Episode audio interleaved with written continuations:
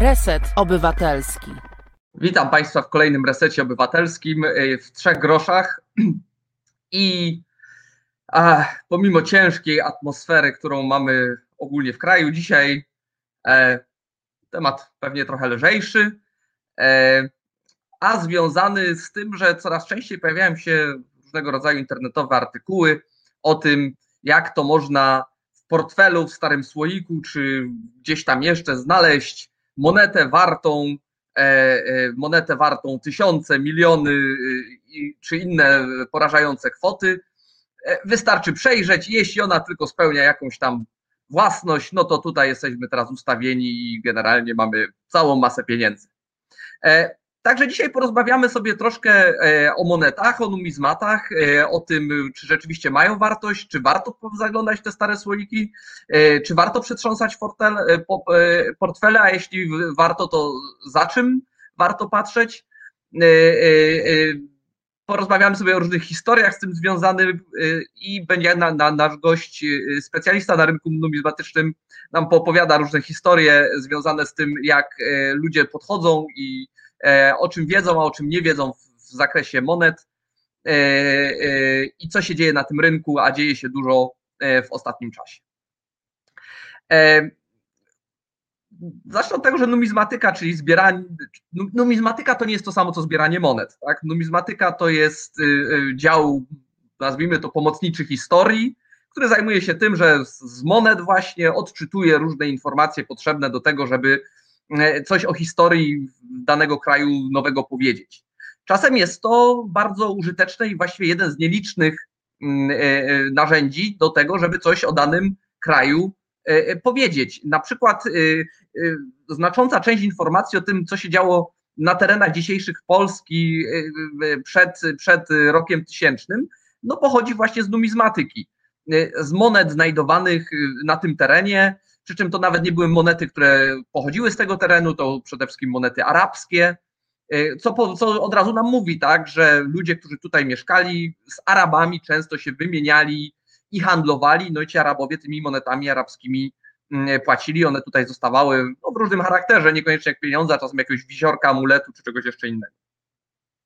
E, dzięki temu wiemy na przykład e, również, że jednym z głównych źródeł utrzymania lokalnych plemion było nic innego jak niewolnictwo, to znaczy wyłapywanie ludzi z plemion obok i sprzedawaniu ich właśnie Arabom e, w niewolę.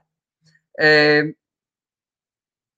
więc tym się zajmuje numizmatyka jako nauka, natomiast oczywiście oprócz tego jest cała masa osób, które zajmują się zbieraniem monet, no i często te dwie rzeczy się jakoś między sobą zazębiają. E, jest rynek monet, który się kupuje i sprzedaje, E, i ludzie, którzy mają swoje kolekcje i uzupełniają o to, e, e, co im może brakować. No ale teraz pytanie, czy rzeczywiście możemy znaleźć w swoim portfelu coś, co może się okazać rzeczywiście tak bardzo cenne i takie wartościowe, i czy warto w te portfele zaglądać? I odpowiedź brzmi, zdarza się. Ja bym tutaj poprosił o obrazek 0,25. Tu taki przykład dwuzłotówki dwuzłotówki, która jest de facto monetą obiegową, tak naprawdę monetą y, okolicznościową. Można e, e, takie monety podobne znaleźć, czasem dostać w nich resztę, choć nie za często, ale czasami się zdarza, że takie monety no po prostu są w obiegu i można z tego obiegu je wygrać.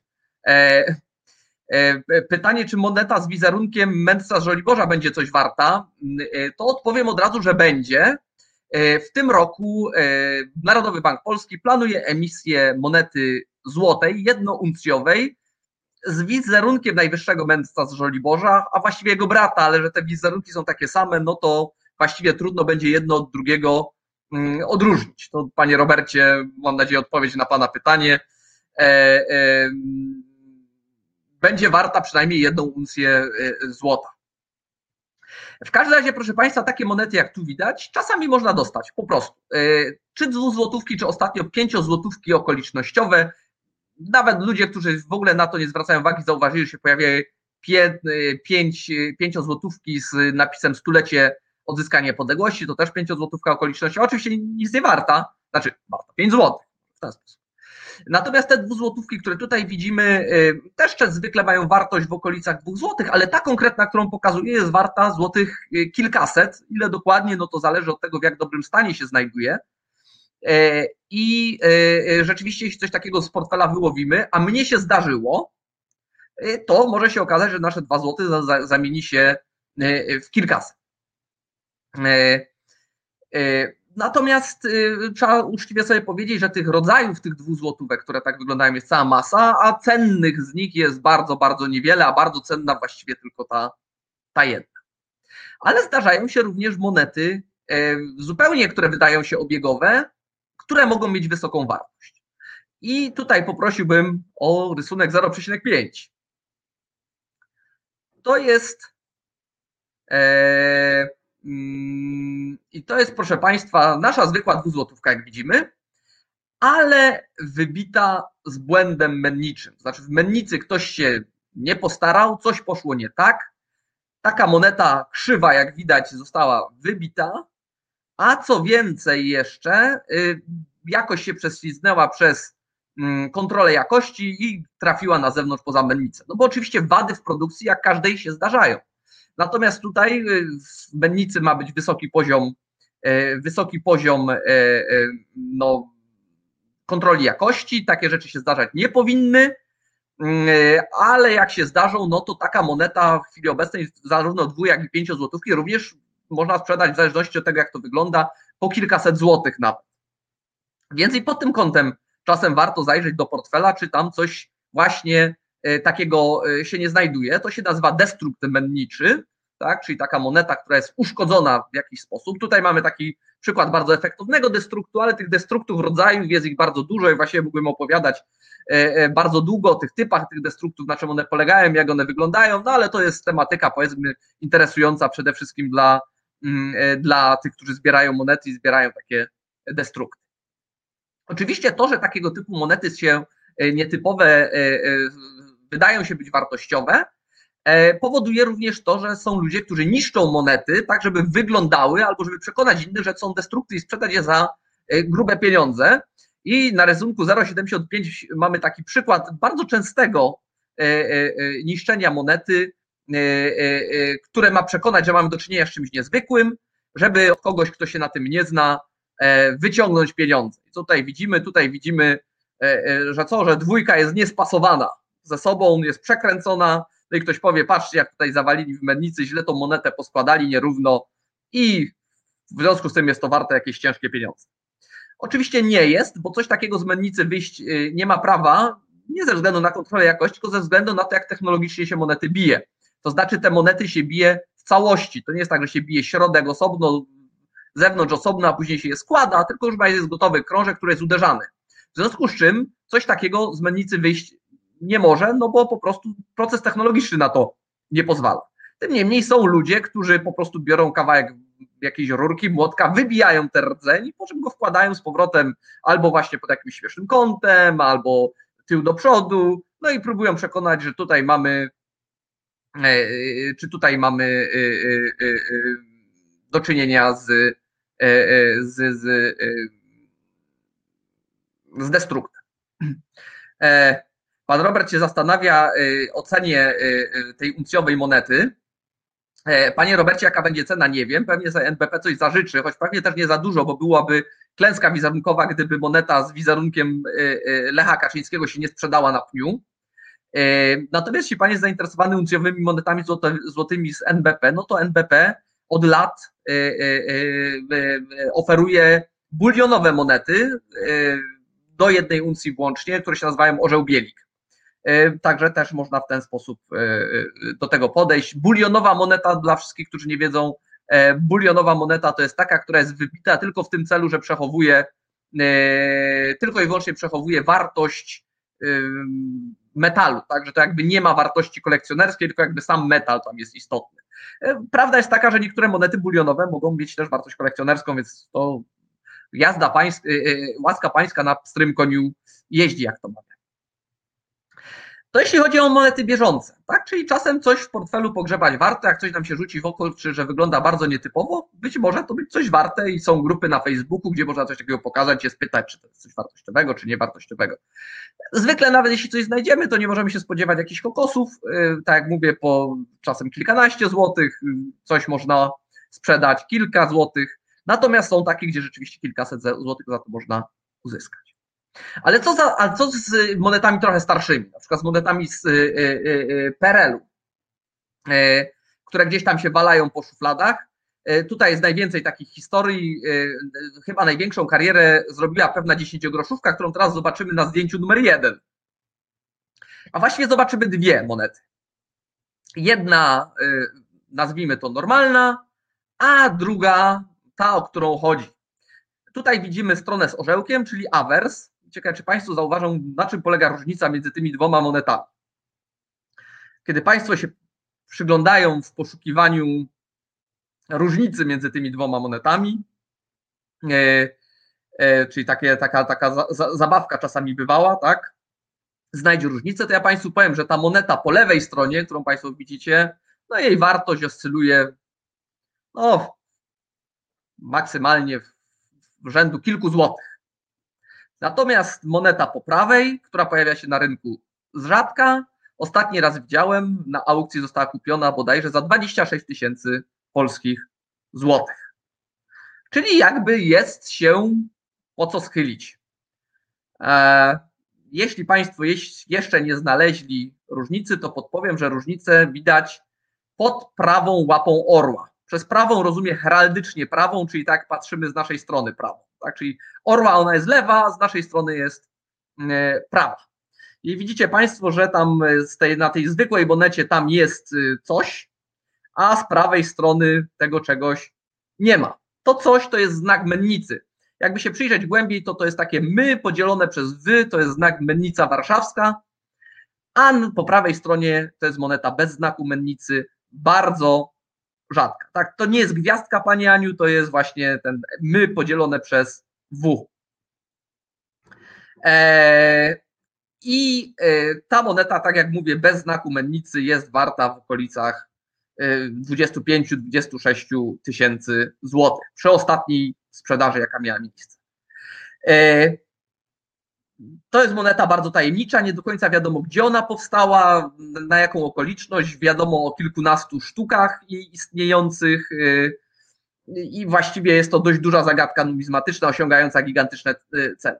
Czy jest szansa, że my ją znajdziemy w słoiku y, gdzieś na strychu? Jest. Okazuje się, że te monety, które się pojawiły, były jakby wykopywane z worka zupełnie zwykłych monet jak po lewej stronie, a znajdowały się również po prawej, co jeszcze pogłębia zagadkę, skąd te monety się tak naprawdę wzięły i o co, o co z nimi chodzi. E, aczkolwiek trzeba mieć świadomość, że szansa na to, że taką monetę znajdziemy, je oscyluje w granicach, wiadomo, wygranej w. Inny przypadek, choć może nie aż tak y, y, drastyczny, jest na obrazku numer dwa. E, bardzo, e, bardzo znana moneta z Marcelim Nowotko, ale również zobaczymy nie Marcelego Nowotko, tylko zobaczymy e, stronę z orzełkiem, czyli awers. Tutaj szukanie różnicy mogłoby potrwać jeszcze dłużej. Mm, I teraz powiem, że ta moneta znowu po prawej dla odmiany jest warta kilka złotych. Natomiast moneta po lewej i tu trudno powiedzieć, bo tej monety w sprzedaży nie widziałem jeszcze. Mówi się o kilku tysiącach, ale pewnie ile ona byłaby warta, to gdyby się pojawiła w jakiejś licytacji, to pewnie wtedy można było określić, tak naprawdę. A w czym, na czym polega różnica, jak Państwo popatrzycie, ani na jednej, ani na drugiej tej gwiazdki na dole nie ma, e, więc to nie o to chodzi. E, tu chodzi o co innego, tu chodzi o to, że e, jak Państwo popatrzą na sam brzeg monety, to z brzegu jest taki rand pogrubiony i ten grant pogrubiony jest znacząco większy na monecie prawej, a znacząco mniejszy na monecie lewej. Znowu egzemplarzy monety w wariancie lewym jest znanych kilka, kilkanaście. Nie do końca wiadomo skąd się wzięły, aczkolwiek już wiadomo, że w innych rocznikach też występują. W roczniku 75 na tyle często, że można ją normalnie znaleźć, choć niezbyt często, mnie się udało. E, jest też w 83 roczniku te warianty, no to jeszcze nie wiadomo, jaka byłaby ich tutaj wartość. Warto też jeszcze powiedzieć, że ta historia tej dziesięciogroszówki mm, i to ten zwrócenie uwagi na to, że tam brakuje tego znaku mennicy pod ma, ma, łapą, no spowodowało, że ludziom się wydaje, że jeśli znajdą jakąkolwiek monetę bez znaku mennicy, to ona jest automatycznie warta ciężkie tysiące. No muszę tu Państwa rozczarować, niestety nie.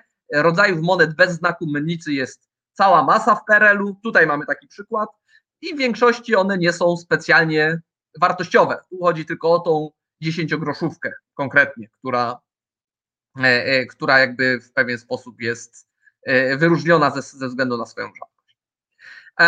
Także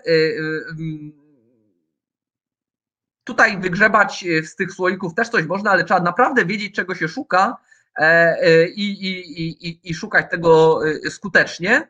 Są tacy, którzy tak robią i, i, i, i sprzedają te rzadsze warianty, czy destrukty również, które się zdarzają tutaj monet e, e, szerzej. E, a na koniec mojej części, o której Państwu opowiadam, chciałem Państwu pokazać jeszcze jedną ciekawostkę na obrazku numer 3. To są monety znowu obiegowe, przepraszam, znowu bieżące, bo nie obiegowe.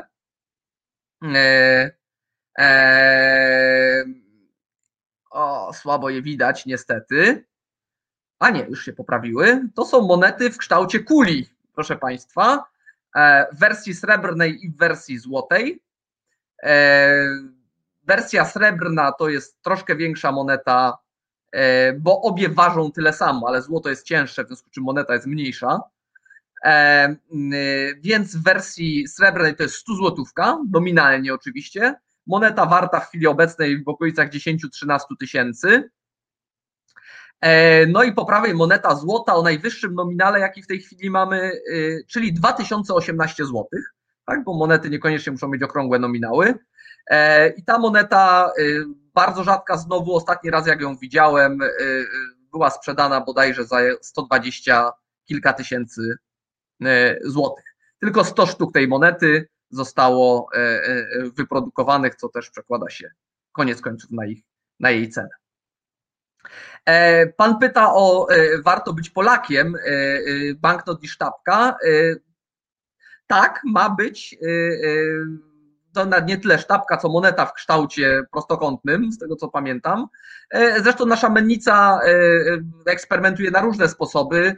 Jakoś na dniach mają się pojawić, na dniach przesadziłem, w przyszłym roku ma się pojawić repliki banknotów w postaci, w postaci monet srebrnych E, zresztą takich rzeczy jest więcej.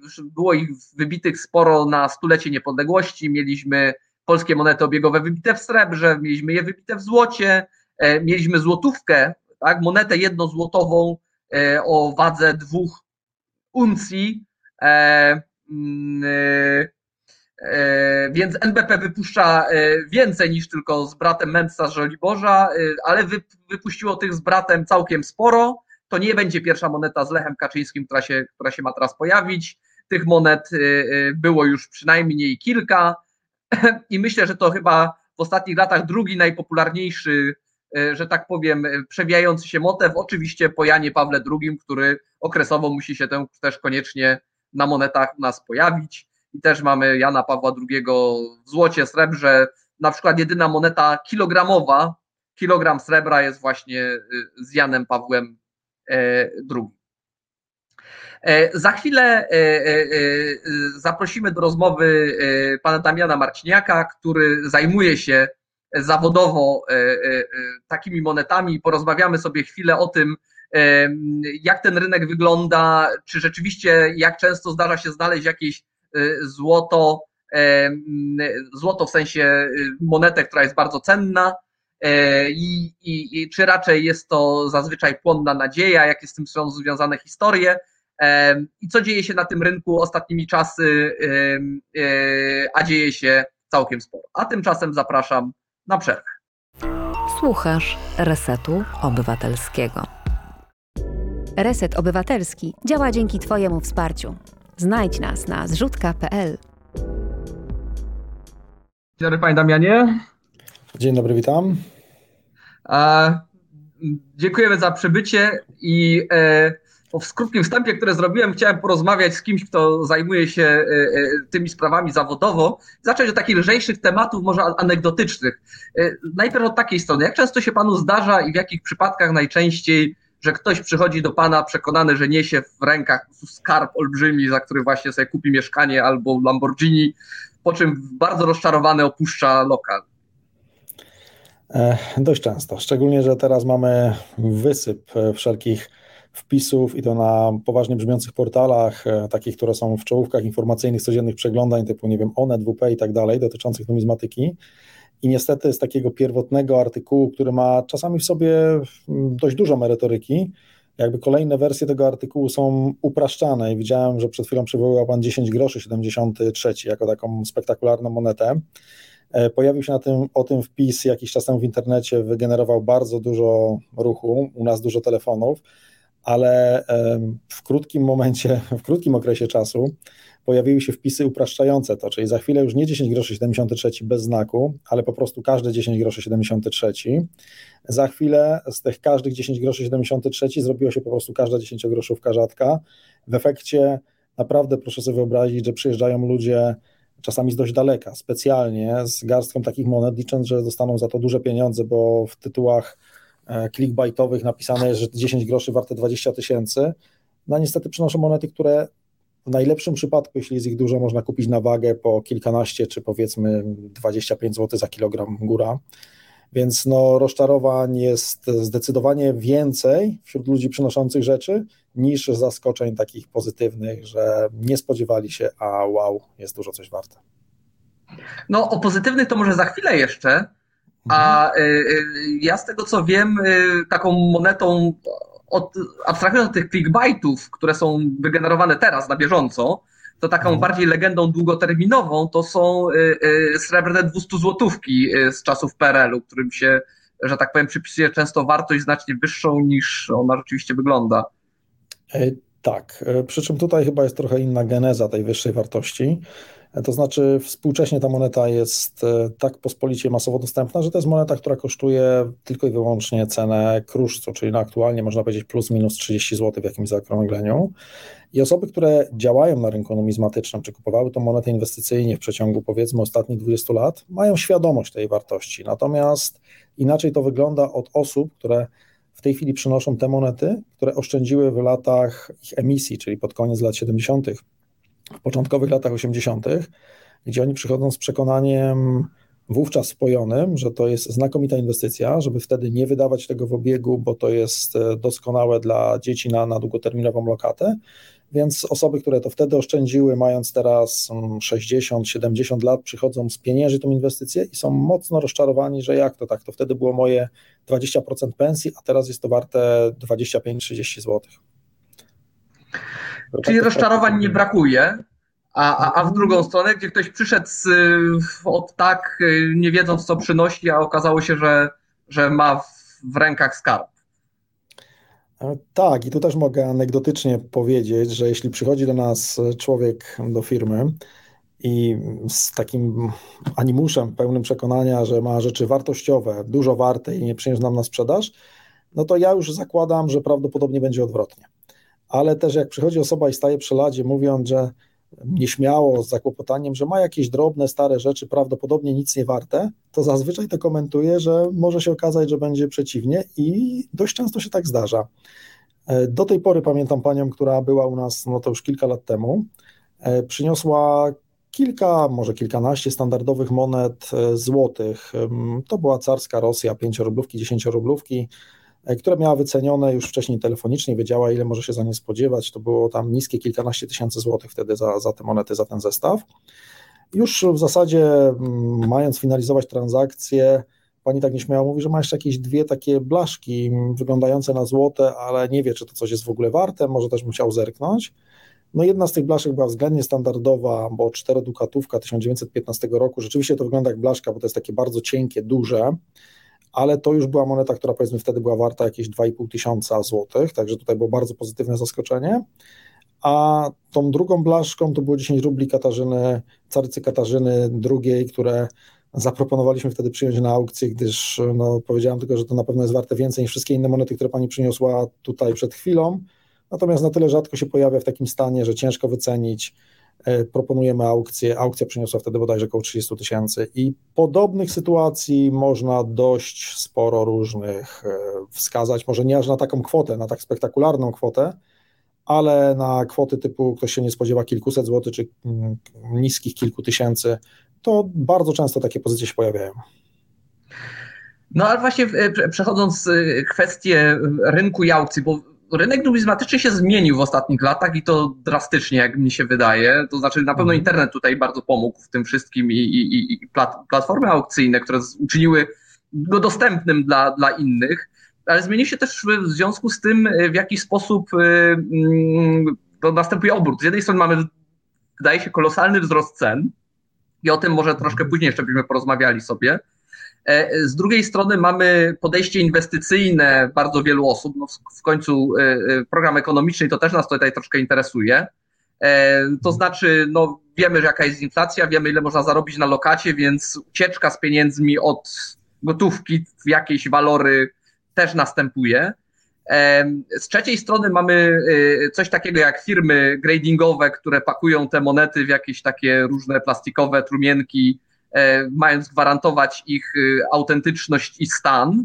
E, mhm. Skąd te przemiany tutaj na tym rynku? Znaczy ten rynek się rozwija i chyba słusznie Pan tu zauważył, że ten rozwój w dużej mierze dyktowany jest aspektem inwestycyjnym kolekcjonerstwa i gro tych zmian z kolei jest na potrzeby rynku inwestycyjnego, czyli grading, czyli to pakowanie monet w pudełeczka plastikowe hermetycznie, żeby nie można było zmienić zawartości, no, narodził się w Stanach Zjednoczonych w latach chyba 80., właśnie jako odpowiedź na zapotrzebowanie funduszy inwestycyjnych, które chciały inwestować w numizmaty, ale y, no, jak inwestować w numizmaty, skoro ciężko miarodajnie jakoś określić, jakie ma się walory, skoro stan zachowania wpływa tak mocno na cenę, więc nie wiadomo, czy to jest walor, który osiągnie załóżmy 1000 czy 1200 dolarów, więc e, pojawił się ten pomysł na grading i miarodajną skalę, więc tutaj od razu łatwo to jest oszacować, że inwestując w jakiś typ monety w jakimś określonym stanie zachowania, gdzie skala stanów zachowania jest do 70, kupując powiedzmy 64 numeryki, wiemy, że 64 w danym momencie kosztuje X, kiedyś kosztowała 80% X, liczymy, że może będzie X plus ileś, więc łatwa wycena, łatwa mierzenie tego wszystkiego. I no tutaj nie wiem, w którym kierunku jeszcze ma, chciałby Pan tutaj roz, rozwinąć jakby tą dyskusję, no bo tych zmian jest bardzo dużo. Internet zmienił wszystko w handlu, dotarł pod strzechy, wyciągnął multum numizmatów na rynek. Jednocześnie rozszerzenie się tego rynku poprzez dojście dużej liczby nowych osób do rynku na pewno spowodowało to, że ten materiał, no, który jest w skończonej ilości dostępny w wielu przypadkach, czyli nie mówimy o rzeczach, o których Pan tutaj wcześniej nadmieniał, typu emisji NBP-u, bo one są wielkościowo dostosowane do popytu, czyli no, aspekt inwestycyjny tego w dłuższym rozliczeniu moim zdaniem jest jednak średni. Natomiast jeśli mówimy o walorach historycznych, starych walorach, no to tam mamy do czynienia ze skończoną ilością przedmiotów, czyli automatycznie jeśli nam wzrasta o 20-50% liczba zainteresowanych, no to siłą rzeczy na te walory, których jest najmniej, dość skokowo i dynamicznie rośnie ich cena. No i tutaj poniekąd mamy, mm, to się wszystko jakby samo nakręca, czyli jak rośnie cena, to automatycznie więcej inwestorów zauważa, że ten rynek inwestycyjny jest ciekawy i dołącza do tego rynku. No i więc mamy, mamy fale wzrostowe, e, fale spadkowe, tak jak, jak na giełdzie, jak rynek ekonomiczny, jak prawidła ekonomiczne, choć moim zdaniem tutaj, chcąc liczyć to w jakiekolwiek wskaźniki ekonomiczne, to bazujmy na ekonomii takiej behawioralnej, emocjonalnej, bo ten czynnik na pewno tutaj gra duże znaczenie i inwestor chcący liczyć to tylko na, struk- na stricte słupkach i liczbach może się rozczarować, bo musi wziąć pod uwagę mocny czynnik emocjonalny przy numizmatyce. No więc właśnie to, co pan opisał na początku, brzmiało bardzo mocno jak opis czegoś, co się nazywa bańka spekulacyjna. Tak, że ceny rosną, więc przyciąga kolejnych inwestorów, więc ceny jeszcze bardziej rosną. E, e, czy, czy, czy pan odczuwa, że my już gdzieś jesteśmy w tych okolicach, gdzie to się już przegrzało? Ja na przykład, nie wiem, patrząc na, na e, monety II Rzeczpospolitej, które, nie wiem, kilka lat temu jak kupowałem, to mi się wydawało, że drogo płaciłem. Tak, dzisiaj, że tak powiem, no. Ciężko mi powiedzieć, natomiast tak, na pewno w dużej mierze mm, pandemia przyczyniła się tutaj do zmian na tym rynku i dojścia dużej grupy nowych osób, nawet może na początku nie stricte inwestycyjnym nastawieniem, tylko jako zainteresowanie się hobby, które jest dostępne w czasie lockdownu, czyli mm, stacjonarnie z domu. Y, w poprzednim roku dość biernie braliśmy udział właśnie w zakupach, w aukcjach, obawiając się, w którym kierunku ten rynek pójdzie, czy rzeczywiście no, jest sens e, kupować, czy nie będzie tutaj spadków, czy nie będzie spadku zainteresowania. Ale w tym roku ja jestem w tej chwili spokojniejszy o ten rynek, szczególnie z tego względu, iż patrząc na nasze aukcje, na mm, ilość nowych osób rekordową, która doszła do tej zabawy, mówiąc tak naprawdę, no to jest jednak hobby zabawa, E, I jednocześnie widząc nastawienie tych osób, że owszem, część tych osób by weszła pewnie inwestycyjnie, zrobiła jednorazowe zakupy i być może te zakupy schowa do szuflady, nie będzie dalej aktywnie tutaj działała, ale ja widzę, ile tych nowych osób, które weszło chociażby z inwestycyjnym nastawieniem, złapało bakcyla numizmatycznego, czyli w tej chwili są osobami, które emocjonują się, e, rozdygotani dzwonią, że pojawiła się jakaś pozycja, która im brakuje, ile mogą za to zapłacić, czy to na pewno oryginalne i tak dalej. E, polują na te brakujące sztuki, czyli mamy taki, no to jest typowo męskie hobby i tutaj mamy taki substytut tego polowania, czyli nie chodzimy ze strzelbą do lasu, ale po prostu przeglądamy ten internet do północy, patrząc, gdzie tutaj upolować kolejną sztukę do, do e, naszego zbioru, więc za, patrząc na ilość osób nowych, która doszła do tego rynku i zakładając nawet, że e, z tych osób zostanie 10%, to i tak to jest gigantyczna ilość osób, która doszła w porównaniu do tego, co było przed pandemią, czyli wydaje mi się, że zdrowo dla rynku by było, gdyby się pojawiła korekta i ona powinna się pojawić jakaś, ale wydaje mi się, że może to być w dużej mierze korekta w takim trendzie wzrostowym. Także ja na razie o ten rynek jestem spokojny, ale jednocześnie, tak jak wielokrotnie mówię w firmie, e, czy osobom, które nas dopytają, my doradztwem inwestycyjnym nie zajmujemy się, czyli tutaj odpowiedzialność każdego kupującego spoczywa na nim, to, to jest jego decyzja, to jest jego analiza, Nasza rola sprowadza się do tego, żeby dostarczać jak najwięcej, jak najbardziej urozmaiconego materiału numizmatycznego, decyzję pozostawiając kupującym do zakupu, gdyż my w ogóle nie sprzedajemy po, po cenach jakichś e, przez nas ustalonych, tylko staramy się wystawiać w cenach atrakcyjnych w stosunku do aktualnych rynkowych na aukcjach, pozostawiając już licytację i chęć licytacji do poziomów zadanych dla osób zainteresowanych. A to z, z ciekawości na takich aukcjach y, y, największe zaskoczenia w zakresie wielkości przebicia. To wystawiliście, rozumiem, zazwyczaj cena wyjściowa jest jakoś odpowiednio niska, żeby zachęcić jak najwięcej osób do tego, żeby, y, żeby się pojawiły, natomiast no pewnie szacujecie, tak, że tu prawdopodobnie to zostanie przebite mniej więcej o ileś tam procent. Największe zaskoczenie tutaj w tym zakresie. Ciężko mi wskazać miarodajnie, gdyż powiedzmy rzeczy, które są płynne, które są notowane względnie często, e, to dość łatwo oszacować w jakichś przedziałach, czyli chociażby wspomniana przez Pana druga RP e, jest łatwo szacowalna dla stanu trzeciego, drugiego, stanu powiedzmy AU58, 62, 63, ale zaskoczenia pojawiają się największe, jeżeli mamy do czynienia z najlepszymi stanami zachowania pod względem gradingowym, czyli jeżeli powiedzmy dany typ monety ma oceny do 64 jako takie dostępne i nagle pojawia się na przykład moneta jedyna oceniona na 65 na przykład w populacji 300 czy 400 pozycji, to naprawdę nie wiadomo jak to oszacować. Gdzieś powiedzmy 64 głowy kobiety, mm, piątki kosztuje załóżmy powiedzmy 2000 złotych, a na naszej ostatniej aukcji 65 czy 65 z plusem, już nie pamiętam, albo bodajże jedyna z taką notą, e, skończyła się za 17 tysięcy. Więc to są dla nas takie zaskoczenia mm, zupełnie nie, mm, nie do oszacowania, gdyż sam typ monety bardzo pospolity, a jednak dwie osoby mm, dowartościowują go na tak olbrzymim poziomie dysproporcji w stosunku do monety niewiele brzydszej, tylko dlatego, że jest tą jedyną najwyżej ocenioną. Także tu nas to zaskakuje. Natomiast co do przebić, to bardzo wysokie przebicia pojawiają się na e, tematach niszowych, czyli takich, gdzie są walory rzadkie, ale i bardzo mało osób zbierających, na przykład jakieś pieniądze lokalne, jakaś falerystyka. E, I tutaj. E, Proszę wytłumaczyć, co to jest falerystyka. Falerystyka są odznaczenia, wszelkie medale, ordery i tak dalej.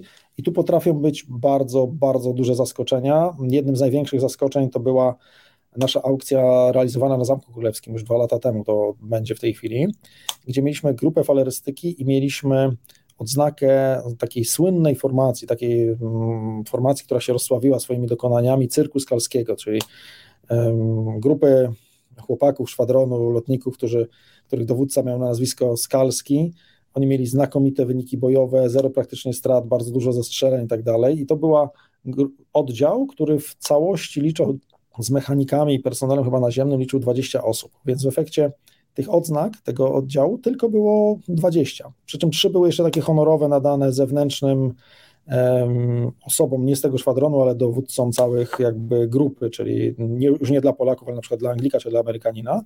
I mieliśmy taką odznakę z cyrku skalskiego na aukcję przyjętą. Pamiętam, jak ją przyjmowałem, e, sprzedawał kolekcjoner, który miał ją kilkanaście lat i zapłacił za nią, miał nawet na nią rachunek zapłacony mniej więcej chyba około 40 tysięcy złotych. Natomiast sam powiedział, no, że temat go pasjonował bardzo, w tej chwili ma inne zainteresowania, on po prostu tą kolekcję chce sprzedać, pieniądze przeznaczy na, na inne cele, także ma się to sprzedać, rozumie, że niektóre rzeczy mógł przepłacać w swoich emocjach, dowolność cen, mniej więcej przyjmijmy, że możemy to sprzedawać za 3 czwarte, jedną drugą cen, którą on płacił. Więc ten cyrk Skalskiego, zapro, znaczy mm, ustaliliśmy, że jak płacił około 40, to mniej więcej wystartujemy go około 30 tysięcy złotych. E, czy 25. I pamiętam, jak z osobami, które są specjalistami od falerystyki, konsultowałem te pozycje jeszcze pod względem oryginalności, jak i mm, opinii mm, cenowej. E, pamiętam ich opinię, że no 25 no, no rzadka pozycja, ale to, to drogo. Może dałoby się znegocjować u właściciela, żeby chciał to sprzedać taniej na start. E, chyba wystawiliśmy to za 20, już nie pamiętam do końca, no może to będzie różnica tysiąca czy dwóch tam, czy w drugą stronę. No efekt był taki, że osoby, które najpierw obawiały się, że za 25 może być za drogo wystawione, przecierały oczy ze zdumienia, gdy ta pozycja skończyła się za ponad 80 tysięcy. Także to takie było spektakularne przebicie, bardzo duże. Także no przy tych rzadkich pozycjach potrafią być duże przebicia i odnosząc się jeszcze do aspektu inwestycyjnego, widzę, że ten rynek właśnie coraz bardziej jakby mądrzeje, czyli ludzie, którzy inwestują w numizmaty, zdali sobie sprawę, że na tych najrzadszych rzeczach jednak ta inwestycja staje się najpewniejsza, gdyż to, co wiadomo, że rzeczywiście niedużo było wyprodukowane, niedużo się zachowało, nawet płacąc drogo, jeśli będzie się chciało sprzedać, to y, zawsze jest szansa sprzedać to dobrze, gdyż tej pozycji nie ma tego typu. I widać to w to rynku w tej chwili, czyli początek rynku w poprzednim roku, tego pandemicznego, to jest zwyżka na całej numizmatyce.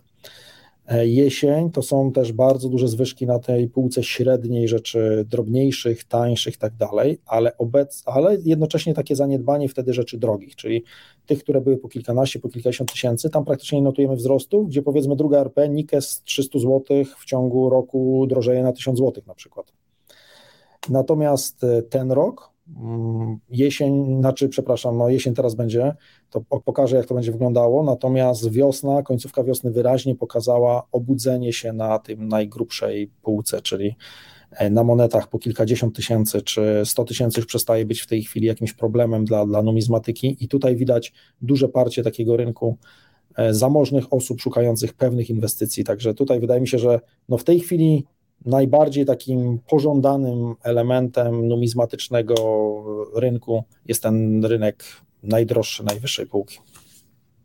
A biorąc pod uwagę, że te ceny tak wzrosły, co pewnie spowodowało pojawienie się również podaży, tak? czyli ludzi, którzy stwierdzili, że fajne to było no. mieć, ale w takim razie może czas sprzedać. Ci starzy. No, no właśnie sprzedawcy? nie. A wie pan, właśnie to jest najdziwniejsze, że nie. E, dla kolekcjonera motywacją do sprzedaży jest to, że może kupić coś innego do kolekcji. Jeżeli nie ma jakby innego, innej rzeczy do zakupienia, e, to niekoniecznie chce sprzedawać. I dokładnie z tym mieliśmy mm, do czynienia na jesieni poprzedniego roku, wiosną tego roku, że osoby, które nawet mają numizmaty do, i z założenia one były przeznaczone do sprzedaży, e, nie decydowały się na sprzedaż, no bo co ja za to kupię? Nie ma żadnych giełd, na aukcjach nie pojawia się to, co mnie interesuje, niech będzie, na razie nie sprzedaje. Następna rzecz, rynek rosnący, czyli widząc, że powiedzmy z miesiąca na miesiąc rzeczy stają się droższe, osobom trudno podjąć decyzję o sprzedaży, bo no dzisiaj sprzedam za kwotę X, a kto wie, czy za pół roku to nie będzie X plus 20%, więc czekają, żeby wyczuć tą górkę, moment szczytu, przesilenia i tak dalej. Też dużo osób z nastawieniem inwestycyjnym tak podchodzi. Także no, to jest dziwne, ale niestety wzrost cen wcale nie spowodował wzrostu podaży. Ach, to jest szkoda, bo liczyłem, że no, kiedy te jakieś stare zbiory pojawiają się do sprzedaży, to pojawiają się jakieś ciekawostki numizmatyczne, które wzbogacają nie tylko kolekcję, ale też wiedzę nas jako numizmatyków, co też y, nienotowane odmiany albo monety, o których nic wcześniej nie wiedzieliśmy. Czy coś takiego się zdarzyło przy tej okazji, że ktoś się pojawił i postanowił sprzedać coś niezwykłego? Wystarczy, nie wiem, cofnąć się troszeczkę wstecz na naszych aukcjach, zobaczyć właśnie jak dużą grupę tego typu monet mieliśmy. Mieliśmy kilka znakomitych kolekcji mm, w ostatnim czasie i właśnie nieraz w tym roku obecnej wiosny czy, czy jesieni poprzedniego roku patrzyliśmy z sentymentem na aukcję rok czy dwa wstecz i gdybyśmy mówimy teraz mieli chociaż połowę tamtego materiału, to były wspaniałe. Czyli jednak przed tymi zwyżkami mieliśmy zdecydowanie przy rynku stabilnym, zdecydowanie ciekawszą, szerszą ofertę niż przy tym rynku wzrostowym, gdzie jakby zniknęła podaż. Mocno zniknęła podaż. I to nie tylko nas dotyczy, można prześledzić rynek numizmatyczny, zobaczyć jak, jak zubożała oferta aukcyjna domów na całym świecie, to nie tylko w Polsce. A y, mówi Pan cały czas, że to jest kwestia ograniczonej podaży, zwłaszcza jeśli rozmawiamy o numizmatach starszych, no bo rzeczywiście bieżące emisje NBP to nie jest y, nic takiego, na czym by można się było mocniej zawieszać. E, e, no i e, tutaj pojawia się inne pytanie pod tytułem dodatkowa podaż, która pojawia się w takim portalu, który się nazywa AliExpress. I rosnący niestety jakość tej podaży. To znaczy coraz trudniej jednak nawet specjalistom te, te, te, te falsyfikaty tak naprawdę wyłapać. E, czy to jest zagrożenie i duże zagrożenie, wiadomo, dla numizmatyka amatora na pewno, ale też za chwilę, że jeśli uda się zrobić perfekcyjną nikę, to właściwie wartość każdej innej nikę spada, bo będzie nie do odróżnienia od tego e, fałszerstwa.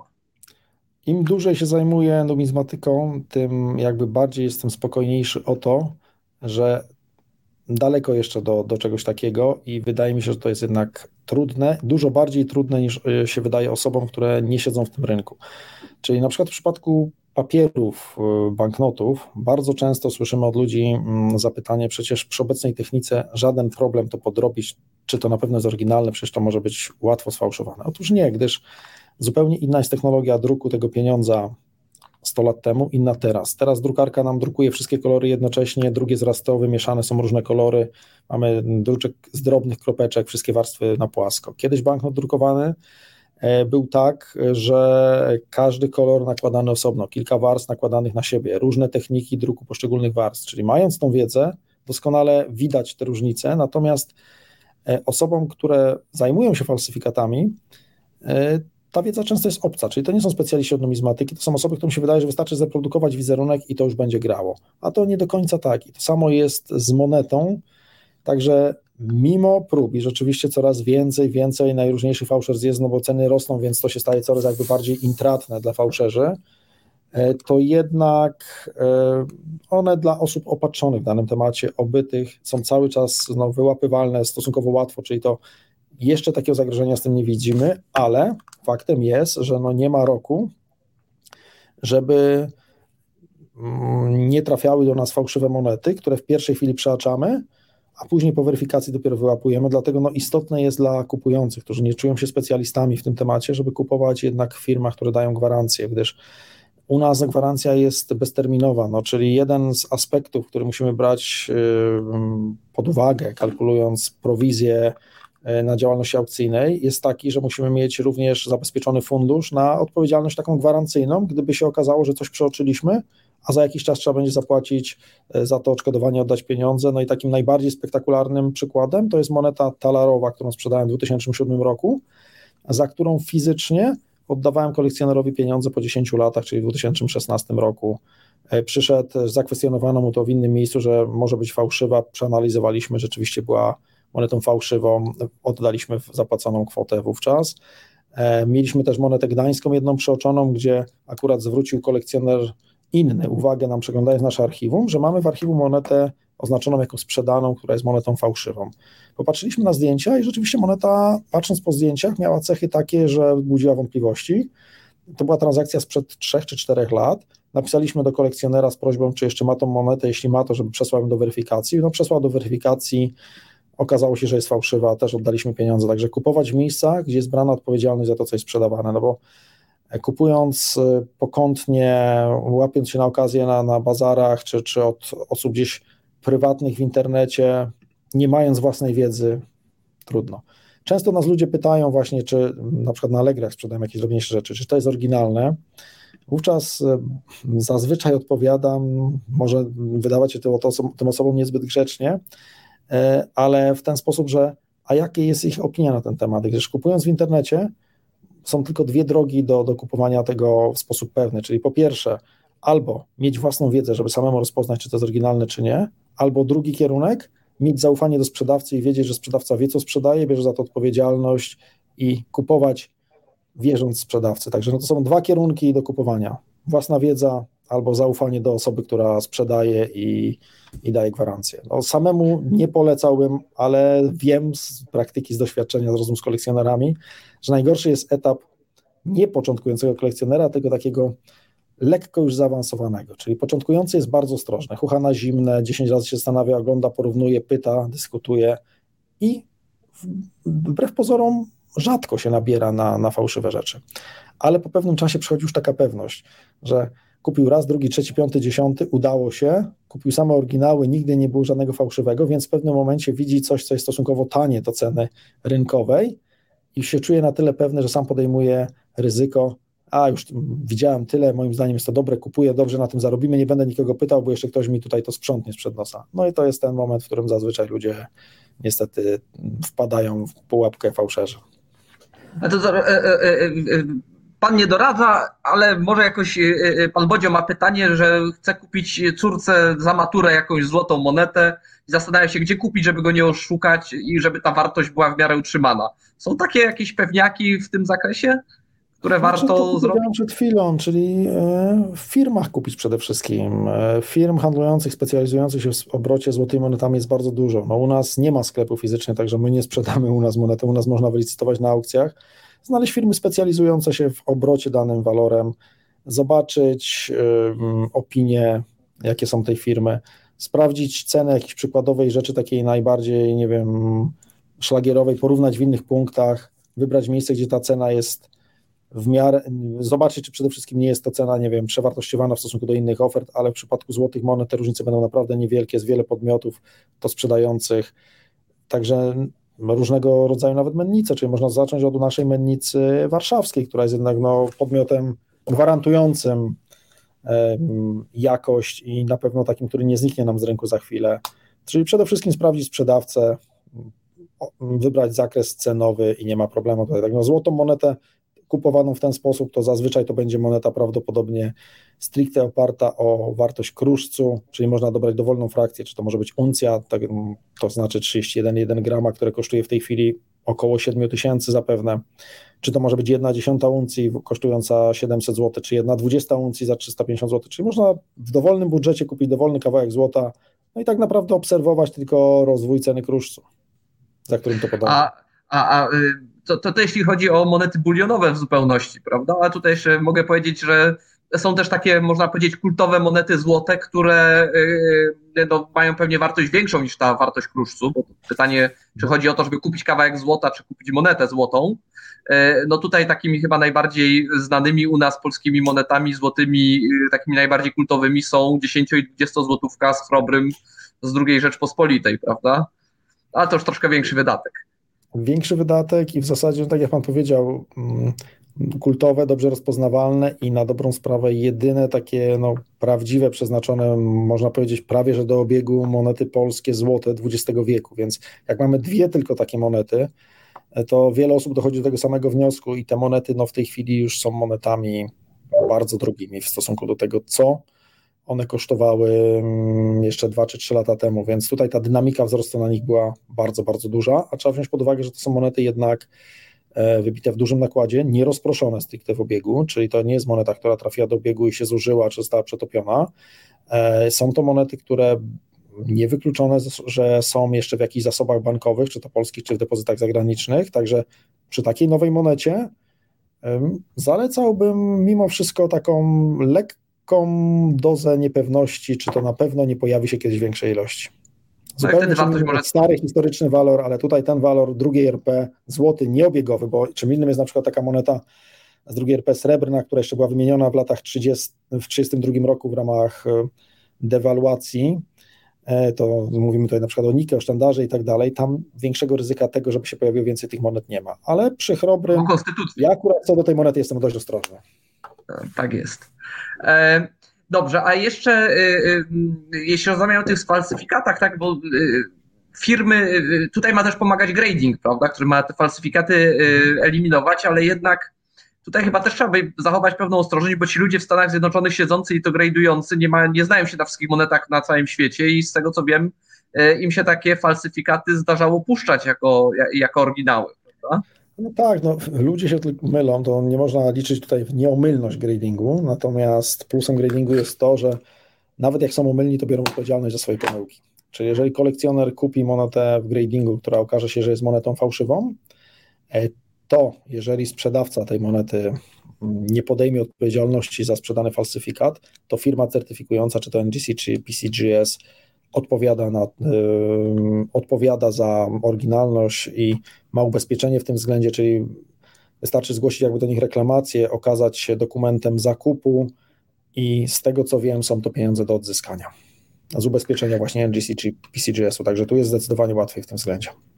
W tym zakresie akurat już zupełnie na, na, na marginesie bardzo mnie interesuje przyszły los ogradowanej monety pięciozłotowej, która właściwie nie powinna istnieć. Już nie pamiętam, który był dokładnie rocznik z PRL-u. To była mosiężna moneta 80. Czyli pięciozłotówka 78 roku. Hmm? 78 rok, tak, czyli taka półlegendarna i nie wiadomo czy istniejąca moneta. Nie istniejąca, to jest próba, tylko istnieje w niklu, natomiast e, mm, mamy na stronie naszej internetowej pokazane, jak przeszczepiane są daty w tej chwili rzadkich monet. Mamy to na przykładzie pokazane 5 groszy 1934 i 5 złotówki 1932 ze znakiem menicy, gdzie są przeszczepione cyfry daty.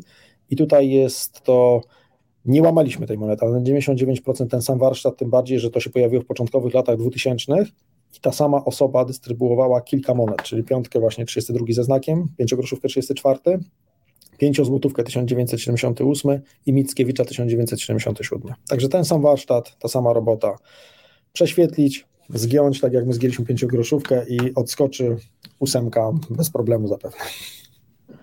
Pe pewnie tak, ale siedzi w slabie zogradowana, prawda? Więc tak, ale nikt tego nie bardzo łatwo, bo jest skąd wziąć cyfrę, ponieważ 5 zł mosiężne jest bite w latach 1976 do 1987. Wystarczy z dowolnej monety z lat 70., tam mamy daty do czynienia 7,5, o przepraszam, 7,5 chyba jest pierwszy rocznik, 7,5, 7,6, 7,7 i 7,9, czyli mamy trzy monety, które mają 1970 ileś. Wyciąć tą ostatnią cyfrę i pożyczyć sobie ósemkę z lat 1980, 81, 82, przeszczepić. Jest skąd wziąć ósemkę, jest mm, początek daty, więc robią to bardzo precyzyjnie.